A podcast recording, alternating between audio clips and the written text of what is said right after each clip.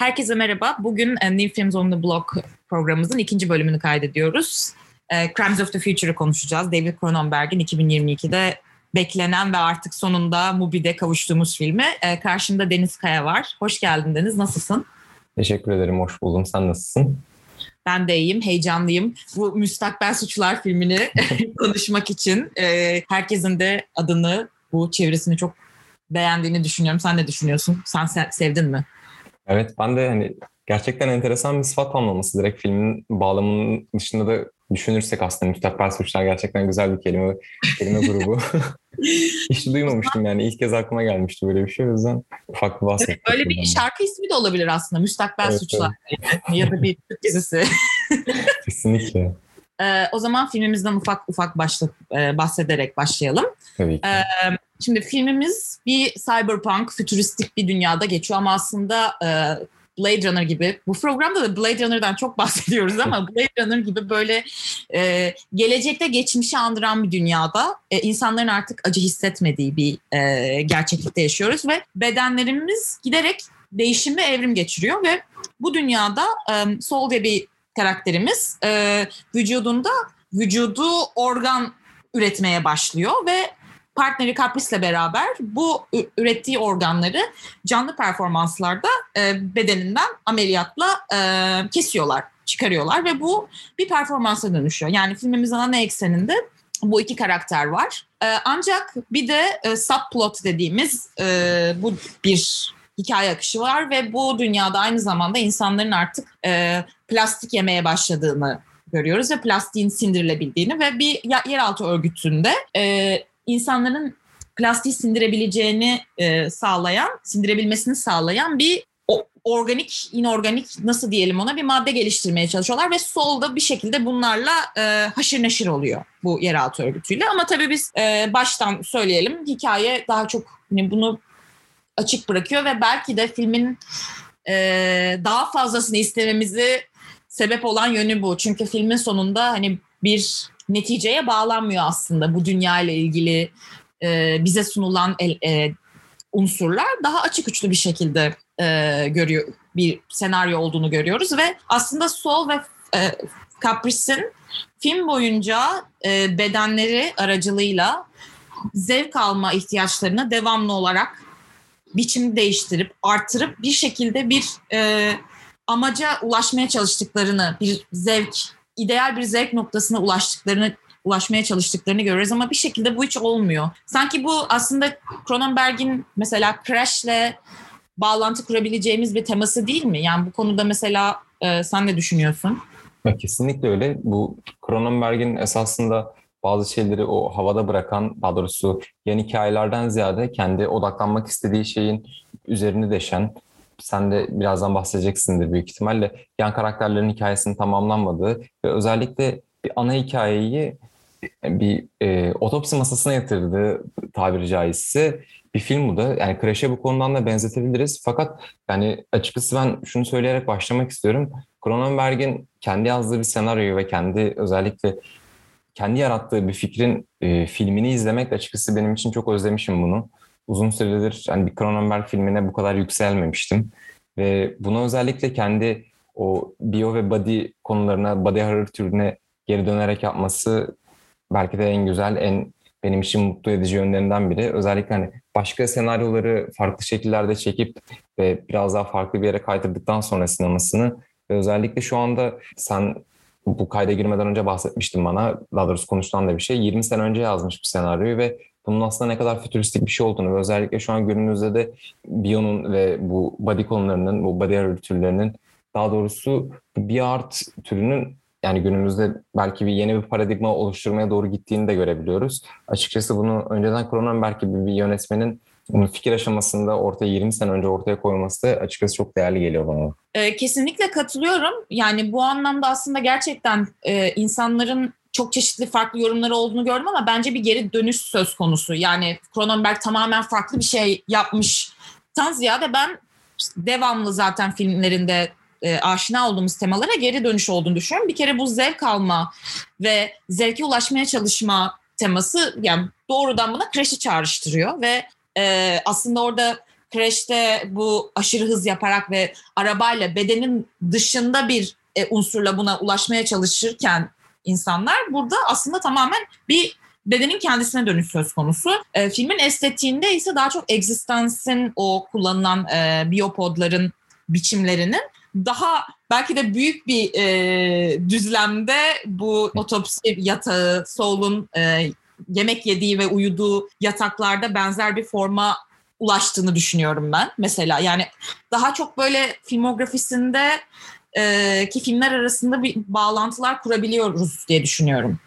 Evet, hepsinden birer parça var ama yani esasında burada bahsetmek istediğim şey benim de o yaptığı 70'lerdeki o Body ve 80'lerin bir kısmında yaptığı Body filmlerinden ziyade onlarda bir ana bir hikayesi vardı ve yapmak istediği orada bir korku filmi anlatıyordu. Orada bir gerilim filmi yapıyordu ve o biraz da e, Hollywood sinemasının ögelerinde taşıyan şeyler vardı. Fakat orada bedeni ve biraz da o beden korkuyu araç olarak kullanıyordu. Ve esasında burayı bu filmde biraz daha değiştiğini ve bütün anlatısını bunun üzerine kurduğunu ve özellikle insanın evrimiyle alakalı özgün sözlerde söylediğini ben burada düşünüyorum. Özellikle hani evrimin terse gelmesi ve insan insanın teknolojisini yakalamaya çalışması ve bunu da şu şekilde yapıyor. Yani bize tarihin ne, ne zaman olduğunu bilmiyoruz hiçbir şekilde ve insan teknolojisi ne zaman insan evriminin geldiği yaşta çünkü insan evrimi yani yüzyıllardır süren bir şey ve insan teknolojisi de hakeza öyle ama bunu ne zaman ki insanlar işte teknolojik atıkları e,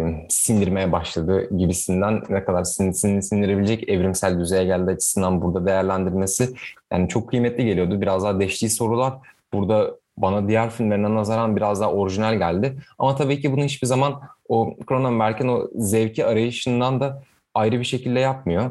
Ve senin dediğin o görsel estetik bence de Existence'a çok benziyor ve bu biraz daha bunun alamet farikası yani senle de bu kayda girmeden önce konuşuyorduk.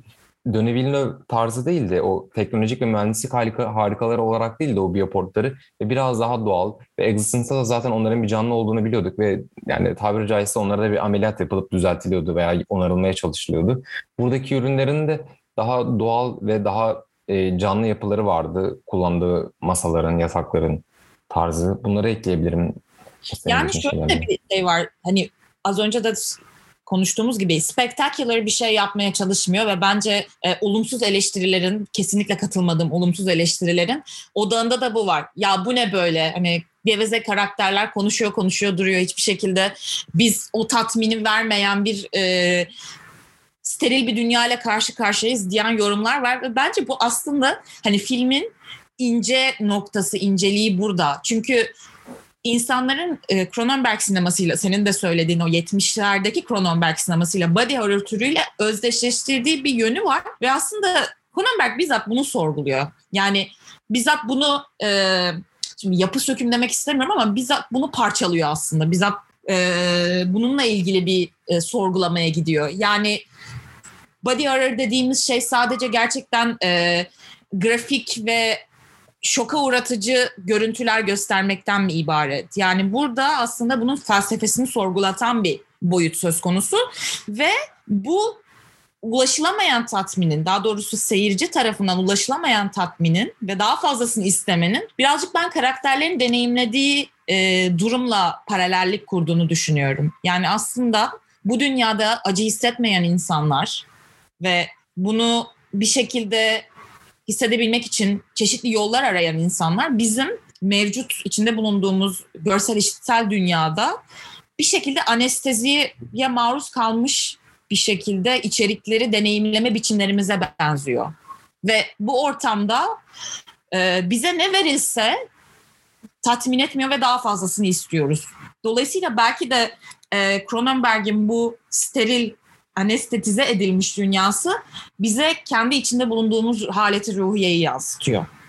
Ya belki ben de şunu ekleyebilirim burada o dediğimiz o mühendislik tarzı ve teknolojik harikaların olmaması ve o gösterisiz olması bu evrenin esasında Cronenberg'in sinemasında belki bu film bilim kurgu olarak değerlendirmemiz gerektiğini de söyleyebilir. Çünkü yani gerçeklikle bağı çok fazla bu filmin. Daha doğrusu şu an günümüzde olan gelişmelerle de bağı çok fazla. Ve bu seyircilerin izlediği bir ameliyatın olması ve bunun biraz daha biohacking olarak değerlendirildiği topluluklar var ve yani birileri o topluluklara başvuruyor. Hastanenin yakınında bir yerlerde evet, doktor ve... Pardon. Bu konuda sen e, benden daha bilgilisin. O yüzden bu bioart ile ilgili birazcık bize bahsetmek ister misin? Tabii. Ben de tam böyle heyecanlı heyecanlı girmiştim. Yani bu topluluklar esasında ne kadar legal bilmiyorum. Özellikle bu biohacking kitleri var ve bunu biraz daha halka yaymak için yapılan şeyler. Almanya'da bunların cezası direkt hapis. Yani bu değişik hükümet kararları var fakat yanlış hatırlamıyorsam ya Fransa'da ya da İspanya'da bir topluluk vücutlarındaki belli organları değiştirmek istiyorlar veya belli bir organ eklemek istiyorlar vücutlarına. Bunu öncesinde organizasyonla birlikte oturup tasarlıyorlar. Tasarımcılar var. Onlara fikir veriyorlar. Ve diyelim işte meşhur örneği ben kafamın arkasına kulak eklet, ekletmek istiyorum diyor. Ve bir tarih belirliyorlar. Partiliyorlar. İşte içiyorlar, ediyorlar. Güzel bir seyirci eşliğinde hastaneye yakın bir yerde doktorlarla birlikte bu ameliyat yapılıyor. Yani olası bir ters bir duruma karşı adamlar ölmesin diye. Ondan sonra da bu yapıldıktan sonra işte o artık onlarla alakalı genelde bir şeyler yazıyorlar veya onlarla ilgili bir yapılan bu ameliyatla ilgili bir konuşma gerçekleşiyor. Ee, hakeza burada Kapris'in de yaptığı gibi. Ondan sonra gayet insanların bunların hakkında sohbet ettiği, partilediği değişik organizasyonlar var. Esasında burada o e, vücuduna bir sürü kulak enjekte eden, enjekte etmekten ziyade vücuduna bir sürü kulak ekleyen ve bunu bir performans sanatına çeviren sanatçı da esasında bu bioart'ın kurucularından biri olarak gösterilen e, Stellark'ın bir örneği. Stellark esasında kafasının arkasına koymaya çalışıyordu bu kulağı. Fakat sonra lojistik sebeplerden dolayı kendi koluna bunu enjekte etti ve içinde de bir bluetoothlu kulaklık koyarak o aslında e, beş duyu organının o biraz daha kutsallığını bozup bunu biraz daha dışarı çıkartıp ve duyunun esasında bizim yani farklı şekillerde de algılayabileceğimize dair yani farklı şeyler söyleyen bir sanatçıydı ve bunun da örneğini esasında Kapris ve Sol karakteri özellikle Sol'un ağzından da gördüğümüz gibi ufak da bir dalga geçmeyle anlıyor burada Cronenberg ve onun yaptığının biraz daha propagandaya yakın olduğunu olduğundan bahsediyor ve esasında kendisinin de önemsediği şeyin bu evrimin ilerleyişindeki vücudun doğal olarak oluşan şeyler olduğundan bize gösteriyordu. Ve belki de burada filmin gerçeklikle bağlantısını bu bile söyleyebilir bize.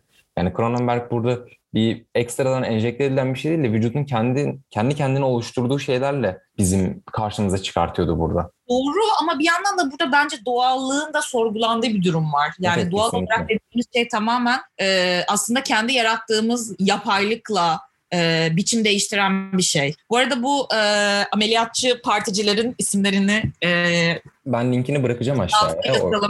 Evet evet. Ben de şeyi eklemek istiyorum. Bu um, özellikle body art ve bio art ile ilgili olarak benim de şöyle bir düşüncem var. Özellikle sinemadaki bunun e, görünümleri ve ele alınış biçimleriyle ilgili şöyle bir paradigma shift'i olduğunu söyleyebiliriz. Belki özellikle ekspresyonizm döneminden günümüze kadar body horror dediğimiz şey yani bedeni e, bedenin filmde e, temsil biçimleri aslında hep bir yabancılaşma üzerine kurulu. Yani senin bedenin sana düşman oluyor.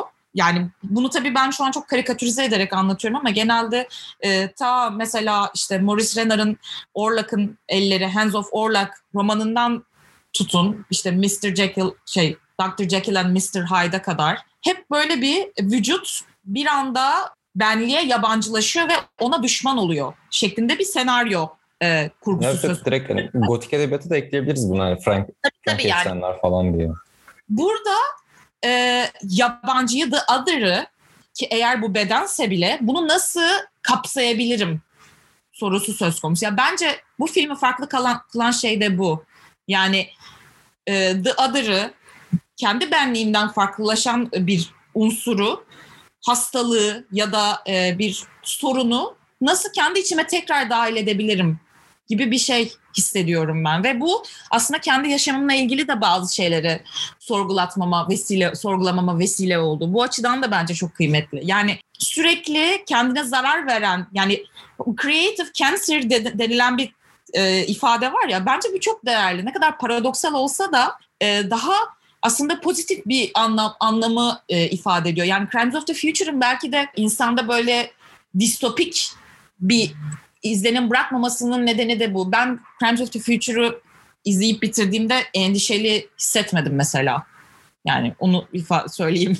Ben de açıkçası filmi izlerken diğer Cronenberg filmleri gibi içimin kalktığı veya kötü hissettiğim sahneler de olmadı. Özellikle o biraz daha yani sırıtarak, bıyık altından gülerek şimdi Cronenberg gerçekten hani burada farklı bir şey deniyor ve amacı bizi germek, korkutmak ve o body horror yapmak değilmiş gibi geldi bana da filmi izlerken her defasında. Evet.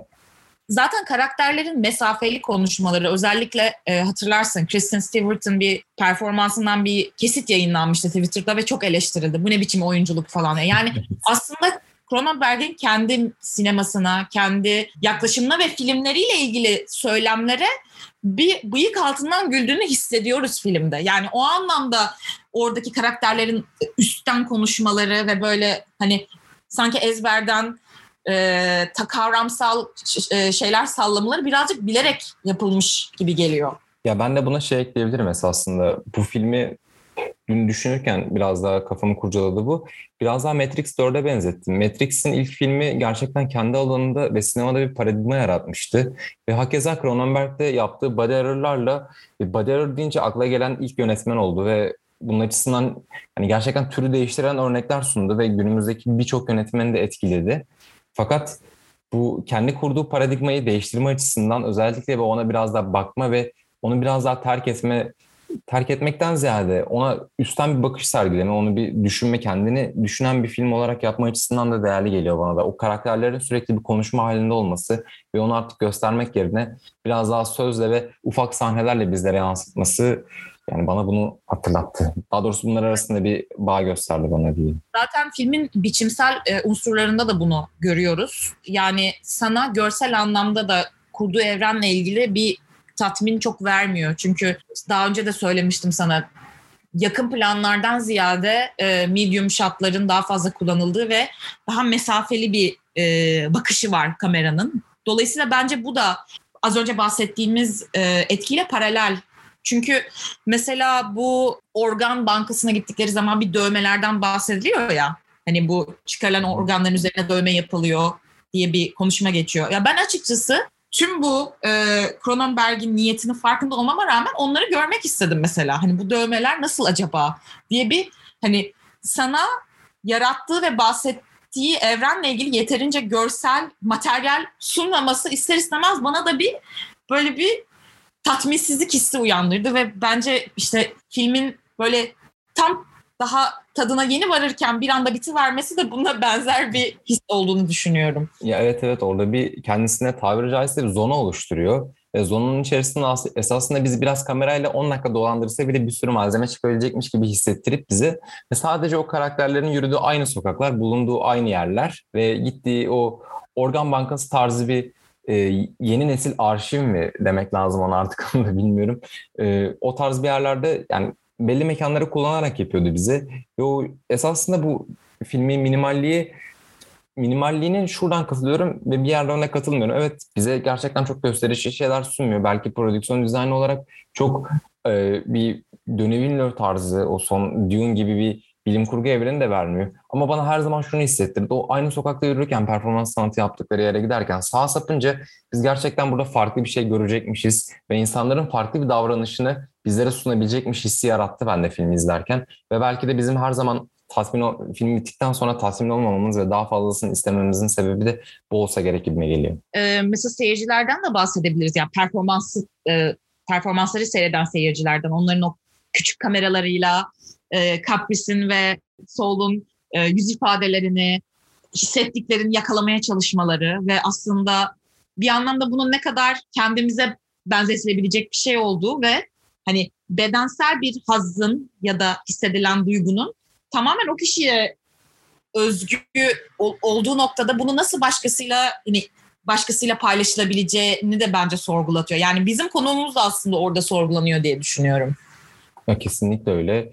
Ya bu esasında biraz daha gerçeklik ve filmin içindeki gerçeklikten kopma yerlerinin burada yani direkt tabii ki en meşhur örneklerinden biri o Holy Motors'taki kamera, kameraların olmadığı bir dünyada bir oyuncunun nasıl olabileceğini ve daha doğrusu kime ve nasıl oynayacağına dair çok eklektik bir filmdi. Ee, ve burada da kameraları gerçekten o minimize ederek yani ellerine yüzük gibi takarak o kendi izleme deneyimlerini daha doğrusu izleme deneyimlerinden bir şey kaybetmeden sadece ellerini havada tutarak onları arşivleyebiliyorlardı ve kendilerine ne bileyim bir hatıra saklama iş, işlemi vardı orada.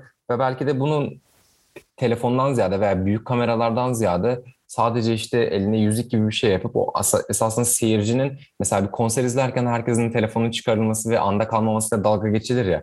Biraz daha Cronenberg buna bir şey eklemek istemiş. O seyircilerin de o performansın içinde kalıp ama aynı zamanda da onları bir hatıraya dönüştürmelerini istemiş gibime geldi. Ya ben bu şekilde düşünmüştüm orayı. Peki şey ne düşünüyorsun mesela ben ister istemez bu e, bioart deyince aklıma biyopolitika da geliyor. Yani aslında insanların bir şekilde bu bunun bir kontrol unsuruna, kontrol mekanizmasına dönüştürülmesi. Aslında bana film birazcık bununla da e, hani bıyık altından güldüğünü düşünüyorum. Çünkü başka bir sinemacı olsa bunu gerçekten böyle distopik her şey bedenimiz kontrol ediyor. Aman Allah'ım her şey bir işte organ bankasında muhafaza ediliyor şeklinde e, yorumlayabilecekken aslında filmin komedi unsuruna dönüştürülmüş bir şekilde e, bunu karşımıza çıkarması da bence ilginç bir detay. Yani e, ister istemez şey dedim izlerken what would uh, Foucault think? Kesinlikle öyle. Ya bu Bio'nun politikası özellikle çok tartışta gelen bir şey ve bu konuşmanın linkini de aşağı koyarım. Yani Bio is the new digital diye işte soru işaretiyle bir retorik soru üzerinden ve esasında pek de retorik değildi. Bunu düşünen ve bununla ilgili araştırmalar yapan birçok insan var ve o dijitalin esasında biraz da hükümetler dışı ve kendi paradigmasını yaratarak birden oluştuğu ve hayatımıza hani kimsenin şey olmadan o biraz daha e, Adam Smith tarzı görünmez bir elle hayatımıza müdahale ettiği bu dijitalleşmenin şu an şu sıralarda da ve ileride yaşanabilecek en önemli alanında biyolojide ve biyoda olacağından bahsediyorlardı. Ve bunun aslında günümüzde birçok şey de var. E, biohacker dediğimiz veya kendilerine o ilaç şirketlerinin biraz daha dışında tutarak farklı tedaviler geliştirmeye çalışan ama bunları her şekilde bilimsel temelde sadece bunları evlerinin garajında yapmaya çalışan insanlar var. Fakat bunların yani bu meşhur biri vardı e, el sileci yapmaya çalışırken işte evinde ölü bulundu veya Josiah Steiner diye bir adam şu an işte Kaliforniya pardon bir tane eyalete giremiyor Amerika'da. Böyle değişik değişik insanlar var ve esasında Cronenberg'in de buna biraz daha göz ardı hani e, gözlerini kapalı tutmayıp daha doğrusu gözünü yummayıp ve biraz daha onu kurcalayıp ve bunu tamamen hani hükümetin kontrol edemeyeceği ve insanların vücudunda siz istemeseniz bile oluşabilecek bir şey gibi sunması ve bu biohacking'in esasında hani bu evrimin bir parçası bu. Siz bunu ne kadar baskılamaya çalışsanız da bu bir yerden patlayacak ve hani sen bugün evet bunu bastırırsın ama bunu bastırırsan insanları biraz daha işte yer altına sürükleyeceksin tarzı bir yerden yaklaştığını düşünüyorum ve buna sessiz kalmaması da esasında bu şeylere, günümüzde yaşanan bu şeylere Cronenberg gibi bir yaşını almış bir yönetmenin ne kadar hala insanları daha doğrusu günümüz dünyasına karşı yani göz ardı gözün kapamadığını söyleyebiliriz. Yani ben açıkçası bu geleceğe yönelik hani söylemlerle ilgili çok e, net şeyler söylemek istediğini düşünmüyorum. Yani ben, benim düşüncem böyle ve bu böyle olacak ve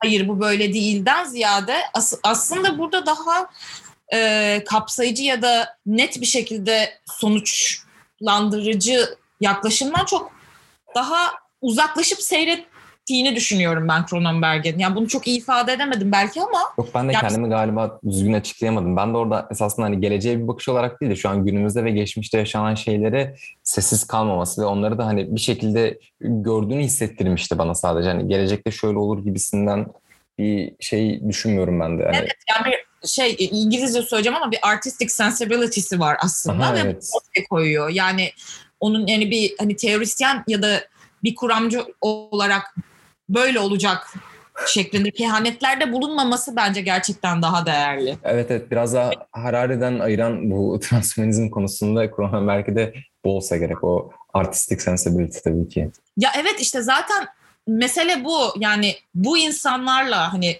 transhumanizm e, ile ilgili teorik konuşmalar yapan bir e, insanla Cronenberg'i ayıran şey bu. Yani kesinlikle söyledikleriyle ilgili ya da fikirleriyle ilgili nasıl diyeyim bir sorumluluk almıyor mu desem. Yani bu tabii negatif anlamda söylemiyorum ama yani böyle olacak ve in, insanlar ha, ha, haberiniz olsun hani beware demiyor. Hani daha ben böyle düşünüyorum şeklinde bir yaklaşım var. Çok iyi ifade edemedim burayı ama. Anladım anladım yani o biraz da borazancılık yapmak yerine o evet. sanatın da özellikle sinemanın içindeki olabildiği kadar sanatın da e, elverişiyle kendini anlatıyor orada.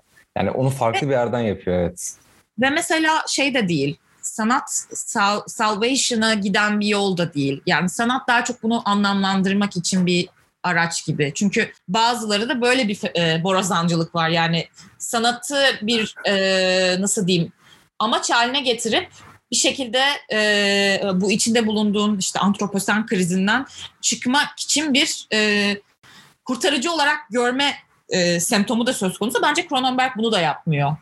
Evet, yani gerçekten e, sadece sanat farklı açılardan bakmamızı sağlayan bir perspektif sun, sunuyor sadece. Yani bir kurtarıcı da değil. Yani bu tabii başkaları eleştirir, daha e, konformist bir bakış açısı olarak yorumlar ama bence zaten e, bir film kendi yetersizliğini, imkansızlığını vurguluyorsa bir sorunla ilgili hani benim için o daha değerlidir açıkçası. Bence de. Yani kesinlikle katılıyorum sana bu konuda. Ya filmle alakalı çok fazla güzel şey söyledik fakat burada kötü şey söylemenin de bilinçli bir tercih, kötü beğenmediğimiz şeyleri söylemek veya beğenmediğimizi dile getirdiğimizde de benim aklıma her zaman şey geliyor. Evet yani bu burada büyük ihtimal bilinçli bir tercih ve Cronenberg bunu o kötülüğünü aslında bizim daha doğrusu göze kötü gelen veya daha doğrusu beğenmeyeceğimiz şeyleri bilerek o filmin içine yerleştirmiş gibime geliyor. Ve bu filmin biraz daha tersliği de burada. O yüzden çok fazla övgü cümlesi olmuş olabilir burada. Kesinlikle katılıyorum. Bence biraz hızır bir şekilde böyle her şeyi kendi lehine çevirebilecek bir e, yaklaşım benimsemiş gibi ve aslında bu hani ironik diyebileceğimiz noktada e, film kendi üzerine dönse de kendini böyle eksikliklerini ortaya koysa da bu aslında onun yararına oluyor bir noktada diye düşünüyorum ben de. Evet ben de kesinlikle katılıyorum. Ee, sanırım bizim Crimes of the Future'la ilgili söyleyeceğimiz şeyler bu kadar. Biraz böyle beyin fırtınası yaptığımız, beyin jimnastiği yaptığımız bir program oldu. Çünkü zaten filmin de seyircisine yaptırmak istediği şey bu olduğunu düşünüyorum. Böyle e, peşin hükümlere, kesin sonuçlara varmaktansa e, ortaya koyduğu fikirlerle ve imgelerle seyircisini sorgulatmak ve yeni dünyalara aslında yöneltmek amacı ve bence bu anlamda da gerçekten başarılı oluyor. Evet evet. Yani ben de bu filmle alakalı bir şeyler okumayı ve bir şeyler izlemeyi merakla bekliyorum. Ve kendim de bunun bir parçası olduğum için de açıkçası mutluyum. Güzel bir sohbetti bence de. Ben çok teşekkür ederim. O zaman e, bir sonraki programda görüşmek üzere diyelim ve kapatalım. Hoşçakalın.